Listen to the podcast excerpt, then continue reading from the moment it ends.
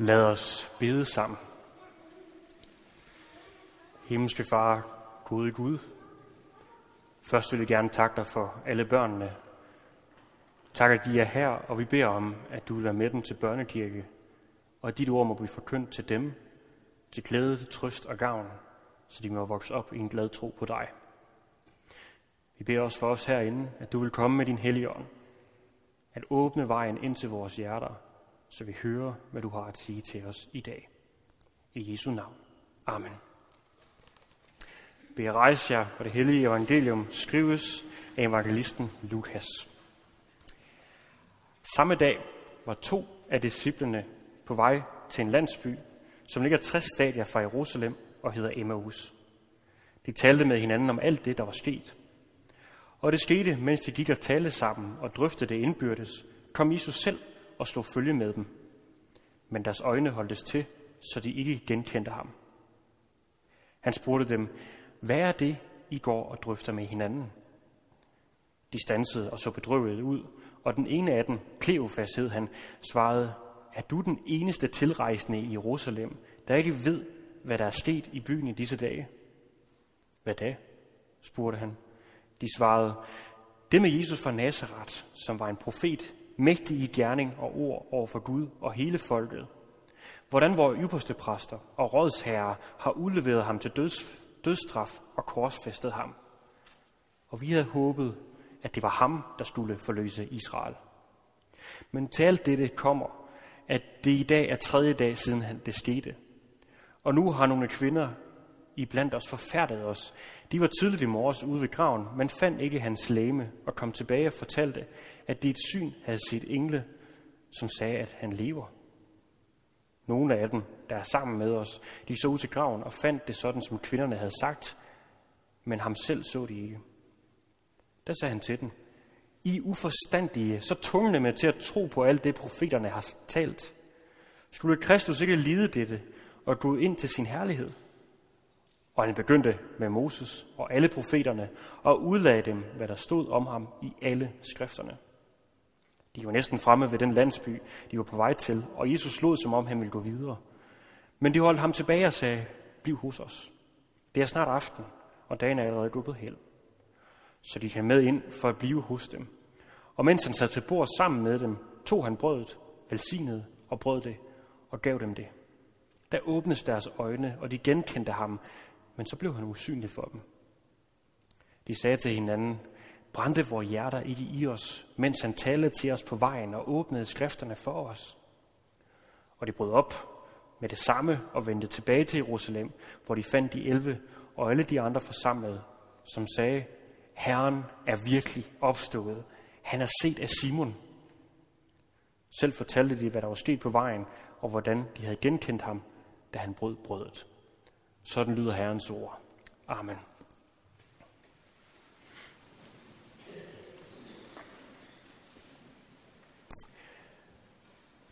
I den forgangne uge siden sidste søndag, hvor det var palmesøndag, der er der faktisk foregået ret mange ting. Det har været en hektisk uge, hvor vi starter med indtog i Jerusalem. Jesus rider ind på et æsel. Folk er begejstrede, for nu kommer deres konge. Skal torsdag, nadveren blev indstiftet, om aftenen, der bliver han udleveret til, øh, til henrettelse lang fredag.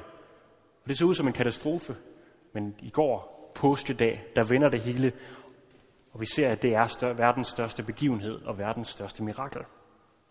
Så der får vi så som sagt lov til at gå lidt ned i tempo, for lige at se på, hvad er det egentlig, som skete?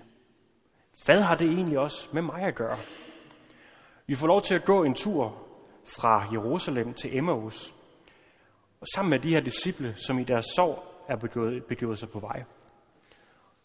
Og så møder Jesus dem på en ganske forunderlig måde. Disciplerne de havde set og hørt om alt det, der var foregået i Jerusalem. Måske havde de også set Jesus på korsfæstet lang fredag. Men som vi hører, så var de sammen med disciplene, da kvinderne fra graven kom til dem og sagde, han er opstået. Han er opstået. De har set det hele. De kunne fortælle det nøgternt, hvad der var sket. Men de fattede det ikke. De har set det hele. De kunne fortælle nøgternt, hvad der var sket, men de forstod simpelthen ikke, hvad det var, det skulle betyde. Og her tror jeg faktisk, at vi kan ligne mange af de her disciple, eller at mange af os kan ligne de her disciple. For det kan sagtens være, at vi har hørt en masse. Måske har vi for, hørt en masse mere, end disciplen her havde. Men det er altså ikke det samme som, at jeg har grebet det. At jeg har grebet det, og det blev en til liv for mig. Jeg kan sagtens kende historierne. Han blev født af en jomfru. Han voksede op i Israel. Han helbredte syge. Han fortalte lignelser. Og når ja, så døde han også lige på et kors og opstod tre dage senere. Men det er som om, at de her beretninger og betydningen af dem, de ligesom har slået lejr oven i mit hoved. Der er, det kan føles som om, der er så langt heroppe fra og ned i mit hjerte. For der er, der er også så meget her i verden, som kan få os til at miste fokus, som kan tage vores blik væk fra Golgata og hen på noget andet. Og samtidig med, så de her begivenheder sket for så mange år siden, at det kan virke fremmed for os. Fremmed for os, som lever i år 2017. Så hvad gør jeg egentlig? Hvad gør jeg egentlig, når jeg står og egentlig kan se, jamen jeg kan betragte det. Jeg kan, jeg kan, jeg kan gøre red for, hvad der er sket. Men det er som om, det ikke helt kan komme herned og få rod i mit hjerte, så det får betydning. Hvad gør jeg så? Jo, beretningen om Emmaus-vandringen, som vi hørte lige før, den giver faktisk et svar på det. Den fortæller os faktisk, hvordan Gud opsøger os, og hvordan vores forhold er til ham. Fordi disciplene her, de havde jo set og oplevet det hele på første paket. De har ikke, de har ikke grebet det, og derfor var de, begivet, be, var de gået afsted til Emmaus, midt i deres sorg, i deres mismod og magtesløshed. Og det kan man jo have brug for. Efter en uge, der er fyldt op af mange indtryk, ja, så er det måske godt lige at gribe en god ven i ærmet, og så gå en tur og få snakket om tingene. Det kan løse mange ting op. Men det var ikke nok for de her disciple. En gåtur var ikke nok til, at tigeren faldt for dem. Det, der i stedet for skulle ske, det er noget ganske uforventet. Noget, der er faktisk også samtidig ganske fantastisk. Nemlig, at Jesus selv kommer til dem og går dem i møde og taler med dem. Og det er meget overraskende. I enhver anden religion, der vil det foregå på den måde, at den store guddom, han har nogle efterfølgere. Og han vil gerne kommunikere til dem, så han sender en budbringer, en profet, et eller andet. Og den her profet skal så videreformidle det, han har hørt fra den pågældende guddom. Og det er ikke altid, at det lige kan virke oplysende og til trøst. Her sker der noget helt andet, som også gør, at kristendom adskiller sig fra en hvilken som helst anden religion. Og det er jo netop, at Jesus, Kristus, Gud selv, kommer til disciplene. Gud selv kommer til disciplene for at snakke med dem. Gud vælger altså ikke at bare sådan kaste små tilfældige ledetråde ud, og så må vi se, om vi kan få sammenstykket et helt og fuldt billede af, hvem han er, og hvad han vil os. Og i øvrigt, hvis vi ikke formåede det, så vil han blive en lille smule som fornærmet. Nej, Gud kommer til os. Gud kommer til disciplene for at tale med dem og os. Og ja, han kommer ikke bare for ligesom at fortælle dem, nu skal jeg fortælle jer, hvad det er, I skal mene, hvad det er, I skal sige, hvad det er, I skal gøre. Det kunne man sagtens forvente. Han er jo den store Gud, der ved alt. Når han kommer og fører en dialog med dem. Han kommer og spørger dem, hvad er det, I snakker med hinanden om? Hvad er det, som fylder jer? Hvad er dit problem? Han kender svaret på spørgsmålet, men han møder dem i øjenhøjde, snakker med dem og tager dem seriøst. Han anerkender dem for det, de går og tumler med. Han ser ikke på dem og tænker, hold da op, helt ærligt. Kunne I ikke bekymre jer om noget, der har lidt mere større værdi? Prøv at se på mig. Jeg har hele universet, jeg skal have styr på.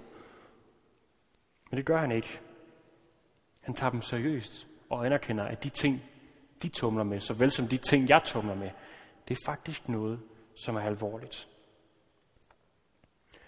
Og midt i det her, at de går, taler med hinanden, kan ikke få tingene til at hænge sammen, så kommer Jesus faktisk også og giver dem et svar på alle deres spørgsmål. Men han giver det på en helt anden måde, end de nok havde forventet. Han giver dem på det samme måde, som han har gjort det mange gange igennem hele Bibelen. At når folk kommer og har et spørgsmål, og i Gud bryder frem, så i stedet for at svare specifikt på det, de spørger om, så viser han dem sig selv. Jesus kommer til disciplene og viser, hvem han er. Han viser, hvem han er, og netop i det, der får de svar på det hele. Han holder en bibeltime for dem, åbner alle skrifterne, og der fortæller han hele skaberværket, alting, det drejer sig omkring mig, Jesus Kristus. Det drejer sig omkring mig. Alt har sin begyndelse, og alt har sin ende i mig.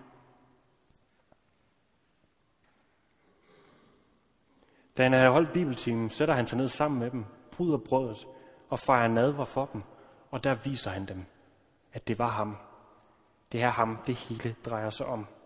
Og det er netop nøglen også. Nøglen til, hvordan det får den her kolde betragtning, som har slået lejr i mit hoved, ned i mit hjerte, så det bliver til varm og frelsende tro. Det handler om at følges med Jesus. Det handler om, at han nok kommer til mig, at han viser mig, hvem han er, at jeg tager imod ham der. For det er det, han ønsker. Han ønsker at vise os alle sammen, hvem han er. Han ønsker at give os det, som vi i sidste ende har brug for. Netop ham selv. Og det betyder faktisk, at jeg bliver fuldstændig fritaget fra at skulle regne det hele ud. At på en eller anden måde skal lede efter ledetrådene. Og, og skulle nu også være bange for at vide, videre med, at jeg nu har fanget det rigtigt, om jeg er i den på vej i den rigtige retning. For nu handler det alene om Jesus Kristus, og kun om ham, der er død for mig, der opstod til sejr, og som har frelst mig. Det er det, det hele handler om. Og det er virkelig et glædeligt budskab. Det er virkelig noget, som vi kan fejre påske over. Jesus kom. Det er ham, det hele handler nu om nu. Ikke noget med mig. Jeg må tage imod ham. Men samtidig har den her beretning også en alvorstone.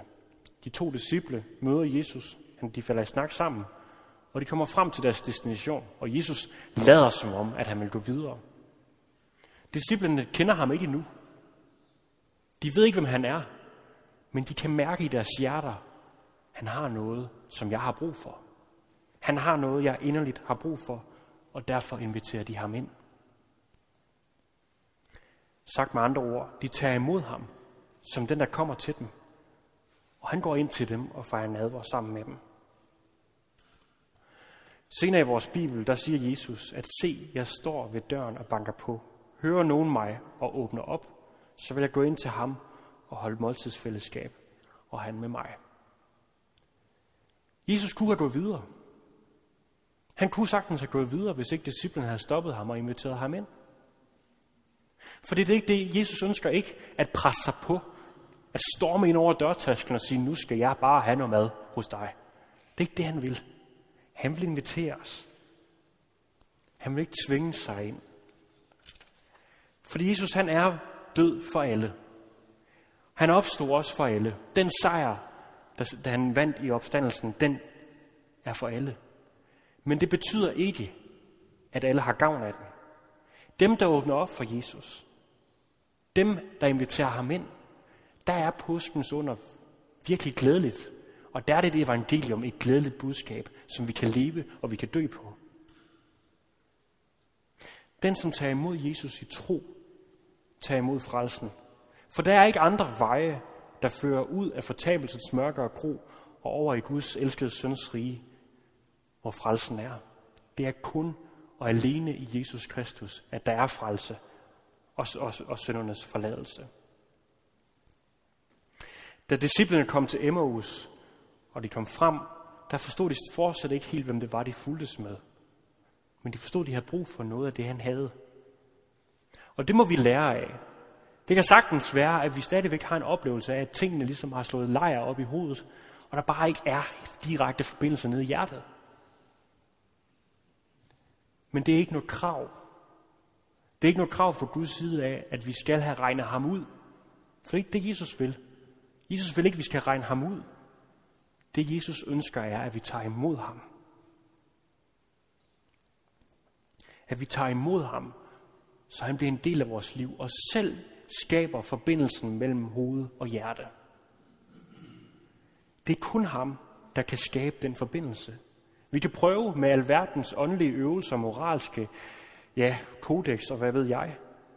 Men i sidste ende, så er, det, kun Jesus, som kan forvandle vores hjerter og skabe forbindelsen mellem hoved og sind.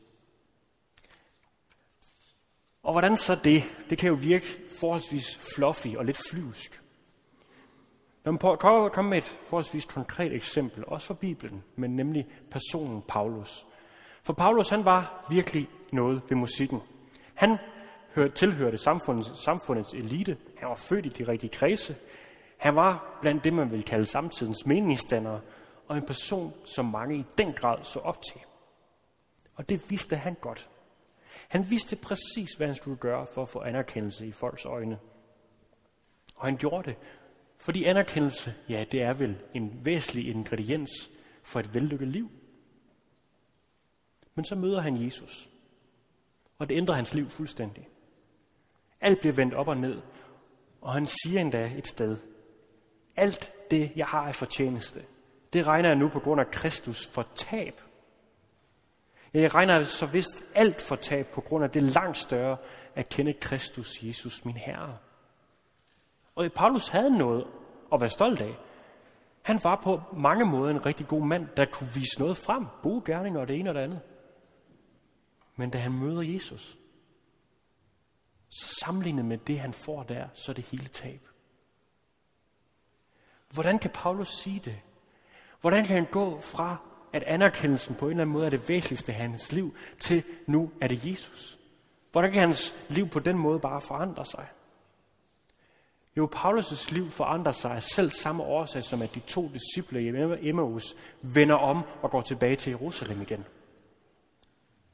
Han havde mødt Jesus. De havde mødt Jesus. De havde mødt Jesus, og det var det, der gjorde den helt store forskel. Vi kan forsøge, som sagt, at skabe forbindelsen mellem hoved og hjerne, men vi, men vi kan aldrig nogensinde opnå det. Kun Jesus kan komme med den sande forandring, så der netop kommer forbindelse mellem hjerte, mellem hoved og hjerte. Påskens under, den kommer vi ikke til at forstå igennem aktiv bibelmeditation eller bibelstudier, eller hvad ved jeg. Det er gode ting. Men i og for sig er det ikke det, der gør hele forskellen. Det eneste, der gør forskellen, det er Jesus Kristus. Og det er, når vi møder ham, at vi også kan se, hvad alt det her med korset, alt det her med opstandelsen i virkeligheden handler om. Det er, når vi møder ham, at vores nye liv det også bliver fornyet. Og derved er der også kald i dagens evangelietekst. Kald er netop det, at byde Jesus ind i dit liv. At byde ham velkommen ind i dit liv. For der vil du gå fra at være en fortabt sønder til at være en frelst sønder. Ikke på grund af dig, ikke på grund af det du gør, ikke på grund af din fromhed, ikke på grund af, hvad ved jeg, men på grund af det Jesus har gjort. På grund af det liv, han kan skabe i dig. Så for at skære det ud i pap, hvis påskens budskab skal fra hovedet af, ned i hjertet, det kommer det kun, når vi søger den Jesus, som opsøger os. Så vi må have lavet, så lade ham være en aktiv del af vores liv. Ikke bare som et vedhæng, vi lige kan hive frem en gang imellem, når det er nødvendigt. Men netop omdrejningspunktet, begyndelsen og enden, og det som alting har sin udgangspunkt fra. Så søg ham, for alene hos ham, der er der frelse. Lige om lidt, så skal vi fejre nadver. Og det er også en god lejlighed til netop at møde ham, som han virkelig er. Disciplerne mødte ham der og så ham. Han åbenbarede sig for dem lige præcis der. For her ved alderskranken, der får vi overrækt Jesus Kristi læme og blod, som det er. Og ikke som vi forestiller os det. Ikke som vi har tænkt os frem til det, men som det er. Og den Jesus tager bolig i os og gør sin gerning der. Så lad os der ved denne, denne påske tage imod Jesus, vor ven, vor bror, vor frelser og herre. Ja, lad os bede sammen for det. Det beder vi dig om, Jesus, fordi vi er magtesløse. Selv det, at du kom og gjorde alting for os, ikke engang det er nok. Vi har stadigvæk behov for, at du kommer os i møde, taler med os og virker det i os. Tak for påskens budskab, og tak fordi, at vi kan finde fred i det. Kom til os, her i Jesu Kristi navn. Amen. Så vil vi ønske for hinanden, at vor Herres Jesus Kristi nåde, Guds kærlighed og Helligåndens fællesskab vil være med os alle. Amen. Værsgo sidde.